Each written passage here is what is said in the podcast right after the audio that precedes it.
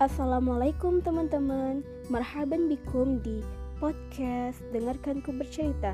Jadi di sini aku akan membahas tentang cerita-cerita inspiratif, edukatif, dan juga islami yang bisa kita teladani dari berbagai sudut, baik cerita masa kini, masa lalu, ataupun masa depan. Pokoknya cerita deh. Selamat mendengarkan teman-teman semua. Wahai bukum silah.